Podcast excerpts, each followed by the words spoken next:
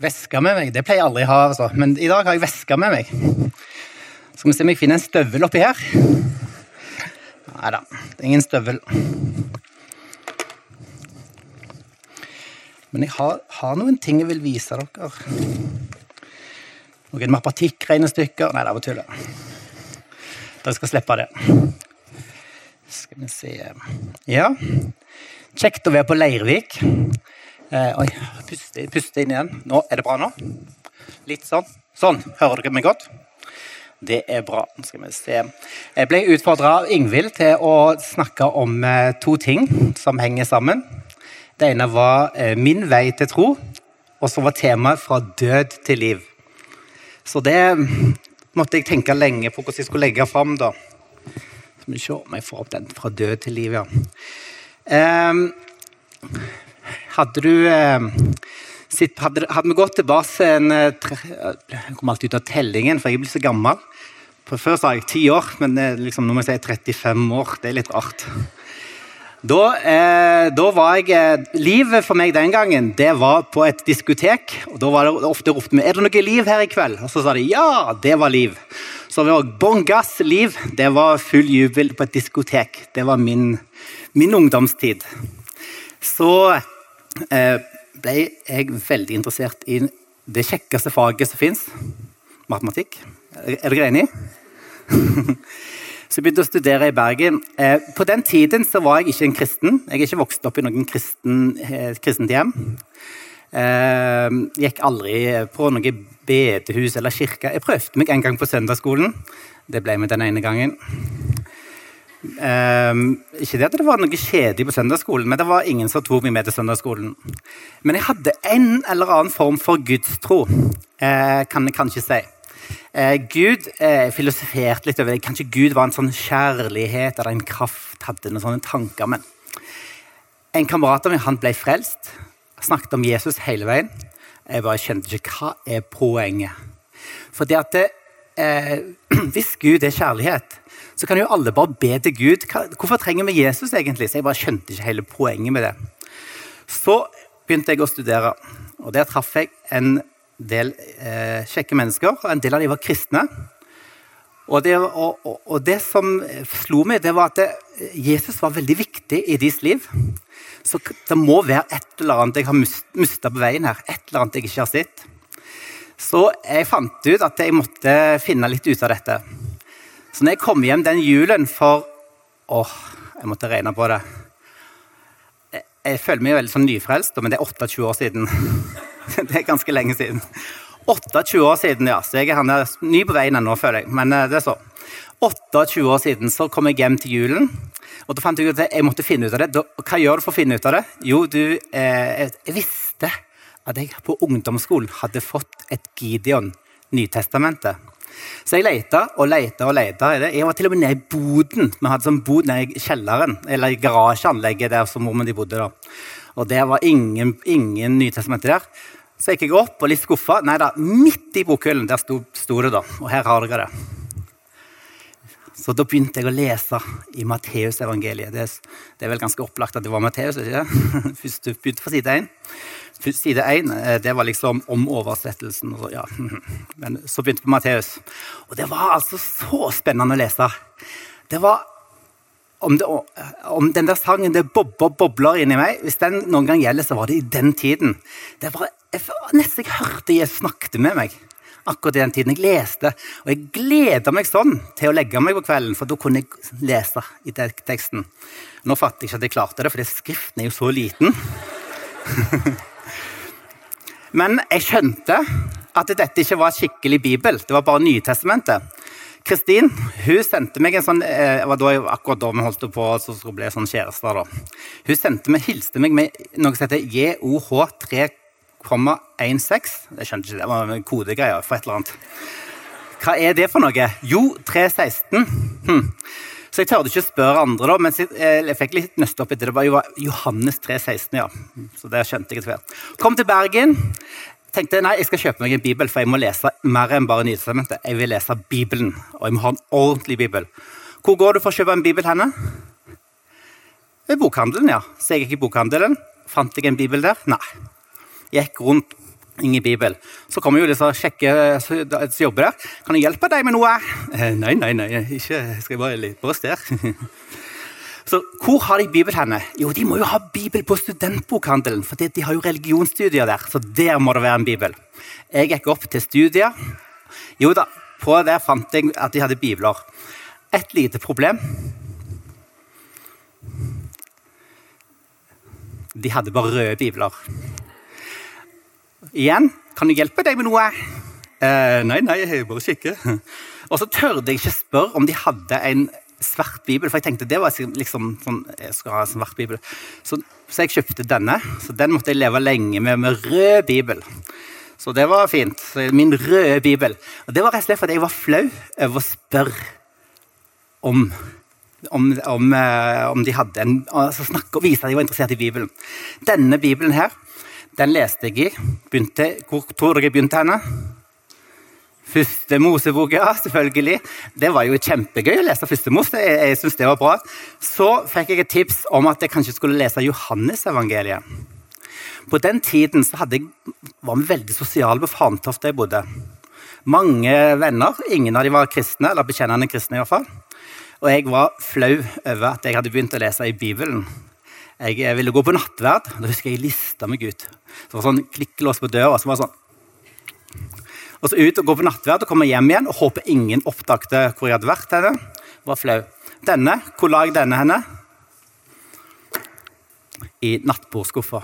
For jeg var, jeg var flau over hva jeg holdt på med. Men så leste jeg i Bibelen, Johannes evangeliet. Så kom jeg til et stykke, og det var altså i Johannes 12. Der står det om eh, fariseerne som kom til tro. Altså, det, likevel var det mange som trodde på ham, også av rådsherrene. Men pga. fariseerne, sto der, så bekjente de det ikke, så de ikke skulle bli utstøtt av synagogen. De ville heller ha ære fra mennesker enn ære fra Gud. Wow! Dette var jo meg. Jeg var jo livredd for at de skulle synes jeg var latterlig, som liksom begynte å være interessert i det som har med den kristne tro å gjøre. Så jeg ville heller ære av de enn ære fra Gud. Og det Sånn kunne vi ikke ha det. Så det jeg gjorde da, det var at jeg la Bibelen min midt på bordet. Selvfølgelig. Fikk besøk. Vi satt rundt der og, og, og prata. Det gikk faktisk nesten en time før de oppdaget den. Er ikke det rart? Jeg husker så godt. Plutselig så Einar Tor Espen, leser du Bibelen? Uh, ja, det gjør jeg. Så det Så eh, Hvis du spør meg tid jeg ble en kristen, så er det litt vanskelig, for det var litt sånn glidende overgang fra jeg begynte å lese Nytestamentet, og fra jeg bestemte meg for jeg skal bekjenne at jeg tror på Jesus. At han, han er den jeg vil følge. Så et eller annet tidspunkt der, for 28 år siden, så, så kom jeg fra det som kalles fra død til liv. Eh, 28 år siden. Er det sånn at eh, nå er jeg aldri flau over å følge Jesus? Jeg skulle ønske jeg kunne sagt at jeg aldri er flau, men jeg har lyst til å fortelle dere en historie. Det er ikke så mange år siden. Da hadde jeg også vært kristen mange år. Bekjennende kristen. Eh, bibellærer og kom på bedehus og holder forkynnelse så hadde jeg noen studenter på, eh, som jeg fulgte med som videreutdanning. Når vi var ferdig med den videreutdanningen, så fant de ut at de ville spandere middag på meg. Så det var jo veldig hyggelig. Og så hadde vi et sånn lokale. Og så hadde de en presang som de skulle ville gi meg. Da satt vi 20 stykker der. Og så ga de denne presangen, og så, så skulle jeg takke for den her. Og jeg reiste meg opp, og så var jeg litt sånn rørt over dette. Og så bare sa jeg høyt, uten at jeg uten at jeg liksom på en måte tenkte over det, så sa jeg høyt fra alle Kjære Jesus. Og så bare kjente jeg Sa jeg det høyt? Så det, det, være, det, er litt rart, men hvorfor er vi egentlig litt sånn flaue over hva vi tror på? Og, og det er egentlig helt absurd, for det, vi tror jo på Jesus. Alt er skapt ved ham. Han er overalt, over alle. Og det er han som er grunnen til at vi synger de lovsangene vi synger i dag. At vi er i lag. At vi har fått friheten, fått livet. Og nå skal dere se her. Når jeg fikk tema fra Ingvild, 'Fra død til liv', så lurte jeg på eh, Jeg har lyst til å ha en tekst så jeg kan få lov til å legge litt ut. Skal, hva skal jeg velge? Og så tenkte jeg Johannesevangeliet. Der er det jo mye, mye det med evig liv, og gå fra døden til livet. Problemet med Johannes evangeliet er at da må jeg ta hele evangeliet, for det er, så, det er overalt. Bare gå og se Johannesevangeliet. Eh, hele veien snakker snakke om dette med å få livet. Men jeg endte på et av mine favorittbrev i Bibelen. Og det er Efeserbrevet. Og der står det i Feserne 2,1 Dere var en gang døde av misgjerningene og syndene deres.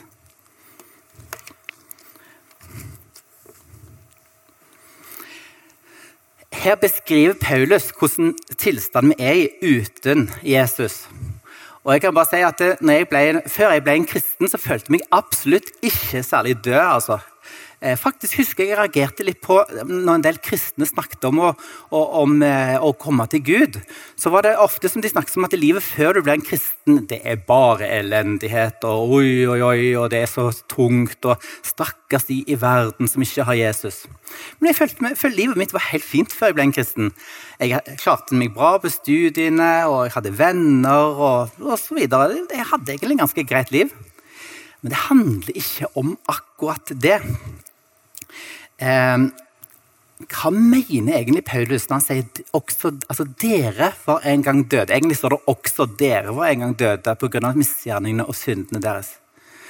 Og Da må vi egentlig ta en liten sånn sveip helt tilbake til begynnelsen. Dere vet at Når Gud skapte mennesket, så, så står det i 1. Mosebok kapittel 2,7.: Da formet Herren Gud mennesket av støv fra jorden han blåste livspust i nesen på det, og mennesket ble en levende skapning. Hva var det som var midt i Edens hage? Midt i hagen. Hva sto midt i hagen? Jo, det var livets tre. Så står det òg eh, tre til kunnskapen om godt og ondt. Eh, dere kjenner sikkert historien godt. Jeg husker når jeg ble en kristen, så reagerte jeg alltid på det. Ja, så tar vi det verset som alle kjenner. Nei, jeg kjenner ikke det verset der. Eh, det er eh, helt ukjent for meg.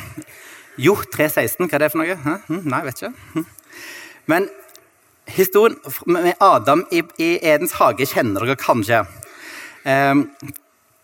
og Gud ga jo budet til Adam og Eva. Adam i første omgang da. Du må gjerne spise av alle trærne i hagen, men av tre til kunnskap om godt og ondt må du ikke spise. For den dagen du spiser av det, skal du dø. Og så vet dere hvordan det gikk. De spiste. Hva var det de spiste? Var det et eple? Nei, det står ikke. Det står bare eh, frykten av treet. De spiste, og så døde de. Var datt rett om. sånn, Der var de døde. Nei, de gjorde ikke det. De levde jo videre, men de døde til slutt. det vet vi. Men hva skjedde med Adam og Eva? De ble kicka ut av Edens hage. Ut. Og det var dramatisk. Jeg vet ikke om Når du leser Bibelen, hvor dramatisk du, om du ser hvor dramatisk det er. Men i hagen hadde de fellesskap med Gud. Det står at Gud vandra i hagen. Da når de hadde spist, og så, de, så skam, hadde de skam. Men de ble kicka ut av hagen, ut av hagen, og, det, og livet ble ble hardere for dem. Hva skjedde da? Jo, øst for Eden plasserte Gud noe. Hva var han plasserte øst for Eden? Han plasserte to sjeruber, og de vokta tilgangen til livets tre. Nå var Adam og Eva utestengt.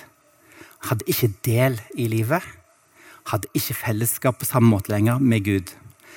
På den måten kan beskrive dem som døde. Eh, hele Bibelen fra den tiden og helt til du leser i Johannes' åpenbaring, så handler det om hvordan Gud gjenoppretter dette brutte fellesskapet som vi har med Gud. Disse kirubene som vokta eh, inngangen til livets tre, du, uh, i den hagen. Du ser bilde av dette når Gud senere gir deg tabernaklet. Hvis du er interessert i det, men Når du leser beskrivelsen av tabernaklet, så ser du at det alt inni teltet var lagd som å minne om en hage. Det var granatepler. Eh, det var onyxsteiner som de hadde brodert ting med, som de fant i Edens hage. altså det så det. Og det var lysestaken, som flere teologer mener er et bilde på livets tre. Men inn i det aller helligste, der Gud var med sitt hellige nærvær, så var det et forheng. Og på det forhenget var det sjeruber som vokta tilgangen. Nett som tilgangen til Edens hage. Og Dette ser vi liksom ut gjennom Bibelen, hvordan dette baler på seg. Um, så det å, å, å dø pga. synden, det handler om at du er utestengt fra fellesskap med Gud. Dere var en gang døde pga. misgjerningene og syndene deres. Så sier Paulus, dere levde på den nåværende verdens vis og lot dere lede av herskeren i himmelrommet, den ånd som nå er virksom i de ulydige. Før jeg var, ble en kristen, så syns jeg egentlig at jeg var helt ok. Jeg syns ikke jeg var noe sånn eh, blant de fæle. Jeg var et greit menneske, selv om jeg òg var en sånn rabagast da jeg var liten. Jeg tror Min historie er på nivå med din. Jeg må bare fortelle den. En gang jeg satt hjemme, jeg tipper jeg var fem år gammel, kjeda meg. Så fant jeg ut at Far min drev sånn asfaltfirma som hadde sånn talertut som kunne nådd bilene. Så sa jeg til han, tok opp den og sa 'Far, far!' Ja, hva er det? sier far min. Det brenner, det brenner. Hvor brenner det? På kjøkken.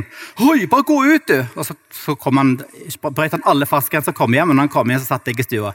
Takk for du kom hjem. Så kanskje ikke det beste mennesket, men jeg følte meg helt ok. Og Det var jo fordi at jeg sammenligna meg sjøl med andre. Og da, da, er vi kanskje med mennesker litt sånn at da tror vi at vi kommer helt greit ut. Med, liksom. ikke, ikke blant de verste. Jeg bare tenker en ting. Jeg jobber jo med å lage eksamensoppgaver for Utdanningsdirektoratet. og Det pleier vi å tulle med at det, vi er ikke fornøyd før alle elever scorer bedre enn gjennomsnittet.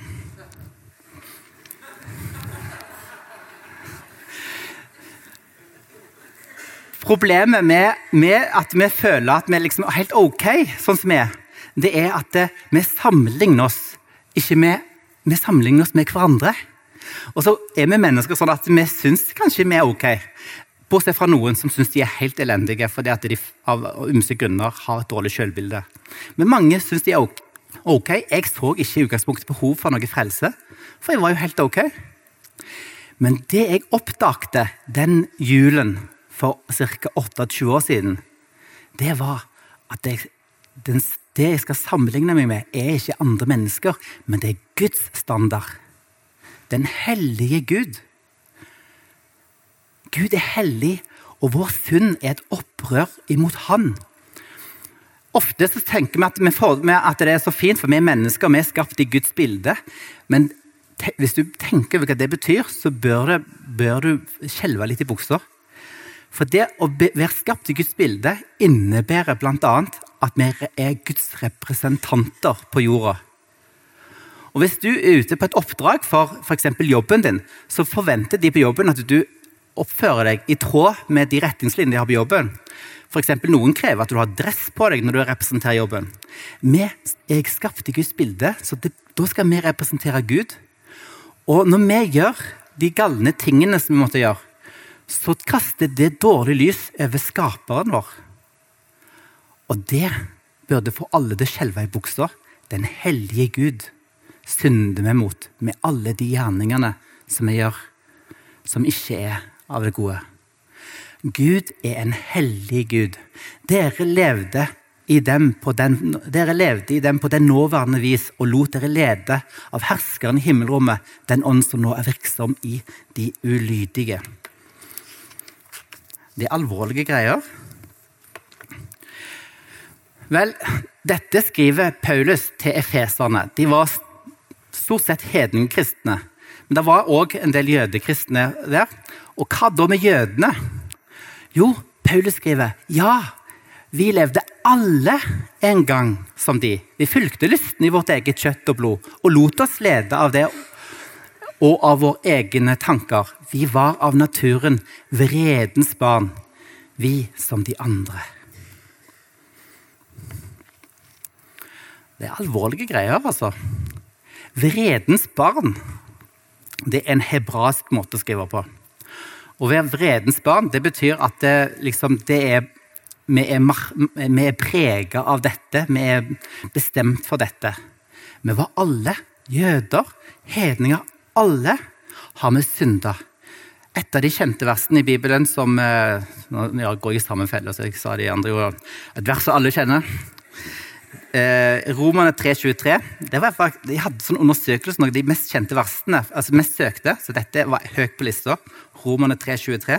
Og Der står det nemlig For vi har alle syndet og har ingen del i Guds herlighet.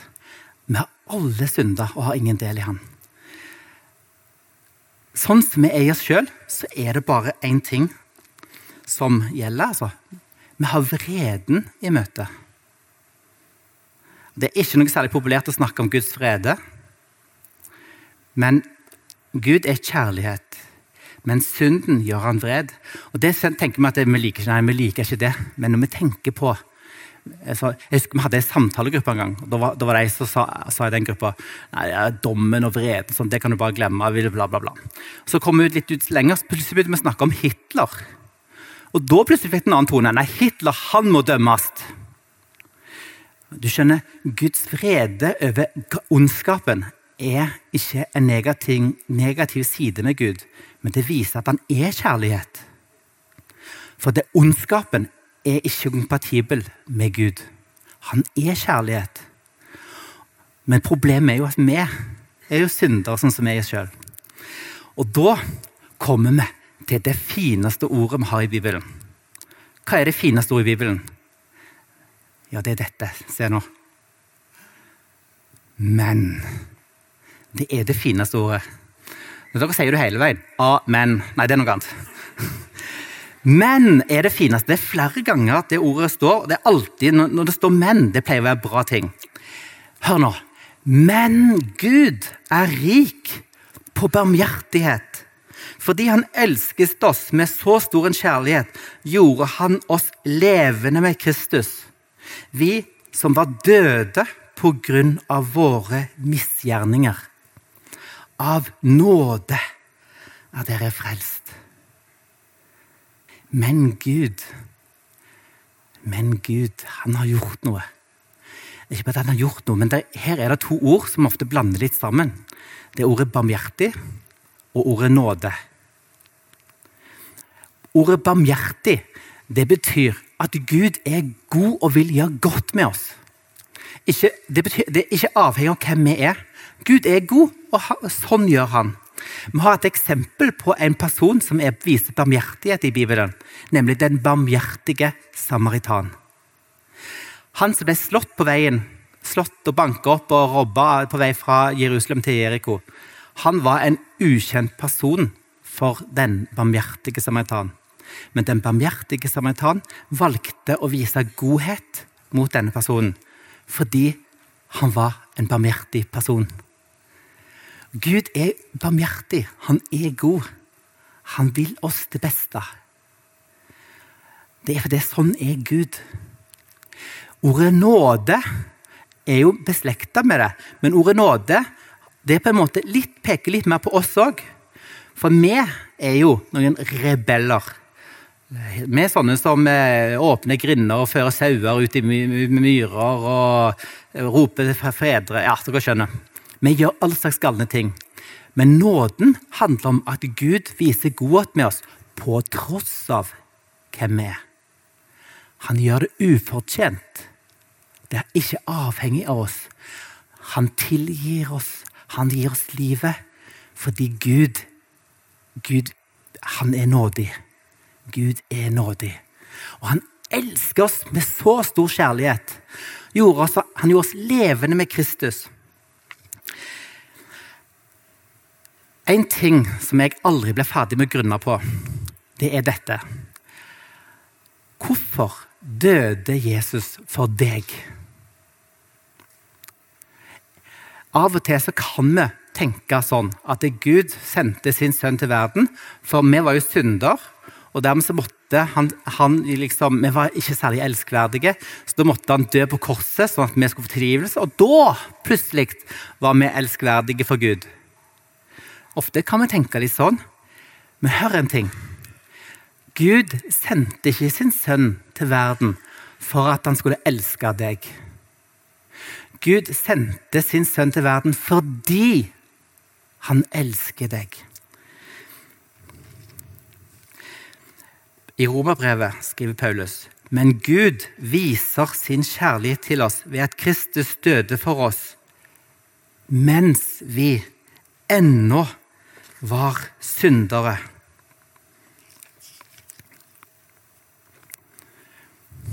I Kristus Jesus har han reist oss opp fra døden sammen med ham og satt oss i himmelen med ham. Ser dere hvor stort det er? I Kristus Jesus har han reist oss opp fra døden, sammen med ham, og satt oss i himmelen med ham. Hva skjedde når Jesus døde på korset? Når Jesus døde på korset, så døde han din død. Han døde i ditt sted. Han tok på seg vreden som vi fortjente.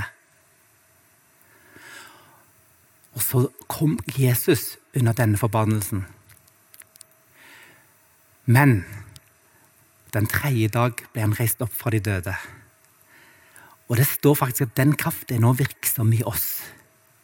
Oppstandelseskraften. I Kristus Jesus har han reist oss opp fra døden. Allerede nå har han reist deg opp fra døden. Hva skjedde når Jesus døde på korset? Ja, Det var jo mange beskrivelser du finner i evangeliene, men en av de fine beskrivelsene er at det forhenget i tempelet Husker dere hva som var bilder på forhenget? Kjerubene som vokta veien inn. Det revna ovenfra og ned. Vet dere hvor tjukt det forhenget var? Det står ikke i Bibelen hvor tjukt det var, men i Talmud, jødenes Talmud er det beskrevet ja, en knytteneve tjukk, da. Ikke sånn. Så tjukt. Cirka sånn. Du bare, du bare, gjør ikke sånn med det. Nei. Men når Jesus døde på korset, så rakna det opp, for nå var tilgangen åpen for oss.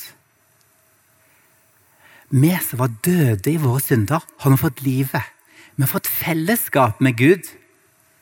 Vi hører Han til. Og Han har satt oss med Han i himmelen.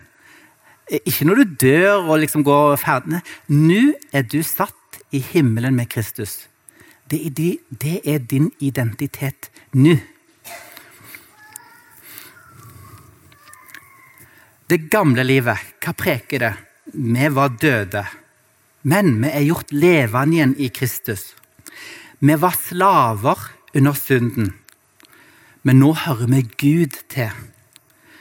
Vi var vredens barn, men nå er vi blitt Guds barn. Vi var ulydige, men nå har vi fått nåde.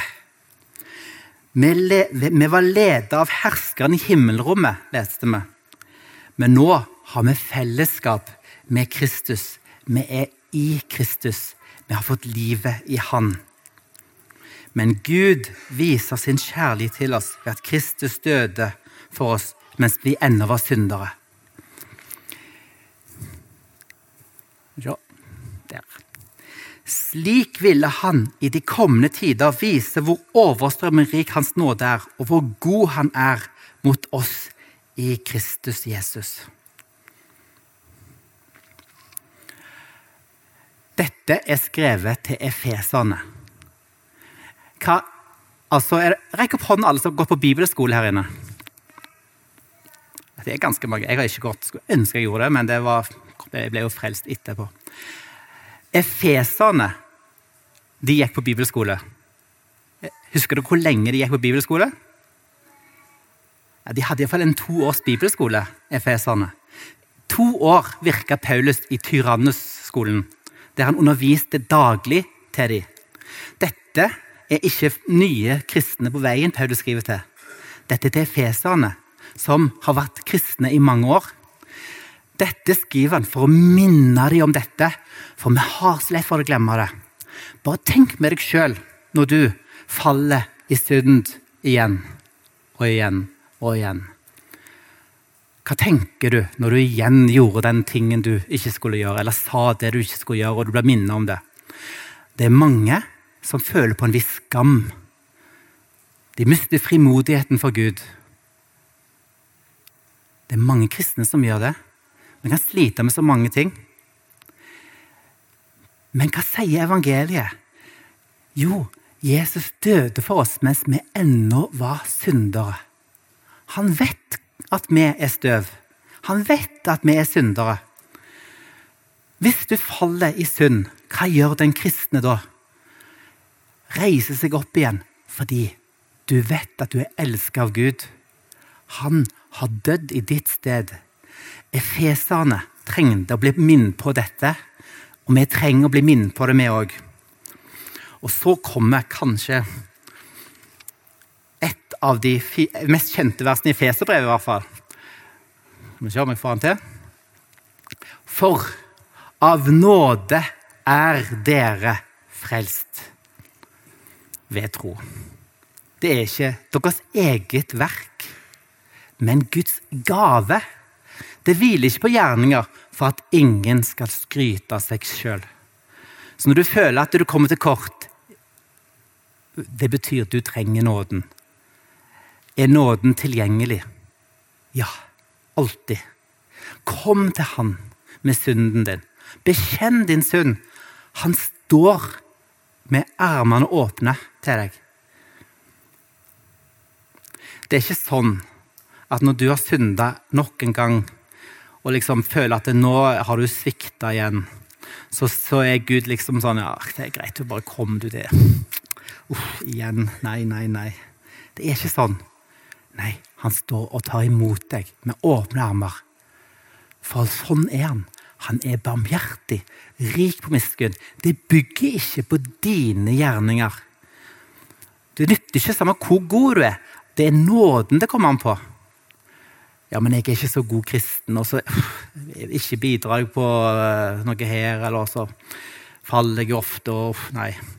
Nei, det er ikke ditt verk. Det er hans verk. Forstår vi dette? Vet dere hva? Paulus vet at, dette er, han vet at vi er litt tungnemme. For han, litt før i kapittel 1 så sier Paulus må Han gi dere lys til hjertets øyne. Altså må vi se. Så dere får innsikt i det håp Han har kalt til dere, dere til. Hvor rik og herlig Hans arv er for de hellige, og hvor overveldende Hans kraft er for oss som tror. Han ber at vi må se det. For vi blir så fort blinde og glemmer ut. Evangeliet er nytt hver dag for oss. Nåden er ny hver dag. Det gjelder i dag, det gjelder i morgen. Gud vet om den synden du skal gjøre i overmorgen, men du kan frimodig lovsynge den i dag. For Gud er nådig. Kom til Han med synden din. Det er det som betyr noe. Han elsker oss. For vi er Hans verk, skapt i Kristus Jesus til gode gjerninger, som Gud på forhånd har lagt ferdig for at vi skulle vandre i dem. Gud er god. Gud var god mot meg. Jeg fikk komme til Han selv om jeg ikke fortjente det. Og jeg har et siste ord før jeg skal gi meg, eh, og det er Efeserbrevet. Er det, det, er så fint brev. Men merk dere en ting når dere leser Efeserbrevet. Jeg vil anbefale dere gå hjem og les det om igjen og om igjen. og om igjen. Les det mange ganger, så du får oversikt over brevet. Så ser du at det kommer opp et bilde som ofte går glipp av. Det hender ofte at vi kristne kan liksom stå framme og si at nå må vi evangelisere, og vi må prise Gud, og bønn er viktig, og vi må gjøre sånn og vi gjør sånn. Teologene snakker om indikativ og imperativ. Det er veldig fine begrep. Det, det handler om grammatikk. Et, intik, en, et imperativ, vet du hva det er? Det er en befaling. Hvis jeg sier til dere les en bok, så, så ber jeg deg om å gjøre noe. Eh, eller eh, du må be. Eller syng lovsang. Mens indikativ, det er en beskrivelse. Han leste en bok. Eh, hun ba. De sang lovsang. Det er indikativ. Og Hvorfor nevner jeg dette? Sånn, uh, hvorfor blander han inn grammatikk nå i talen sin? Det, han snakket om nåden, det var bra, men det der grammatikken Jo, hør nå en ting. For når du leser i Efeserbrevet, så skal du komme langt ut i brevet før imperativene kommer. Altså før formaningene kommer. For det kommer formaninger at vi skal gjøre ting. Men du må grunne det i det som er gjort for oss. Vi kan gå i egne gjerninger fort. Vi kan bli så smarte vi vil, så gode på gitaren eller på trommene som vi vil. Spiller ingen rolle. Det er det Gud har gjort, som er grunnen til alt det vi gjør. Så vi må minne oss på det, indikativene først. Det første imperativet som Paulus kommer med i Fesbrevet, det er litt morsomt. For det kommer i kapittel 2, det òg. Og det er og at vi skal huske. Det er det første imperativet. Husk at dere en gang var uten Kristus, utestengt fra borgerretten i Israel, uten del i pakten og løftet, ja, uten håp og uten Gud i verden. Men nå, i Kristus Jesus, er dere som var langt borte, kommet nær på grunn av Jesu blod. Vi har tilgang, dere. Vi kan komme fram for Guds trone, som det står i, i hebreerbrevet. Vi har adgang. I ham har vi frimodighet, og i troen på ham kan vi komme framfor Gud med tillit, står det i kapittel 3, vers 12.